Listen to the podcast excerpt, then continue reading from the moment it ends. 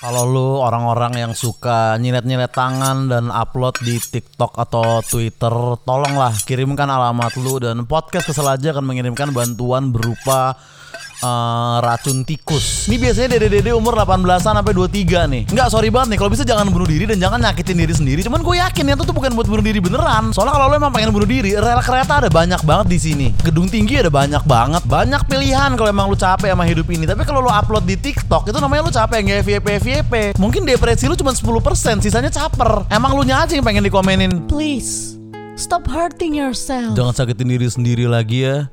Banyak kok yang sayang sama kamu. Tenangkan hati.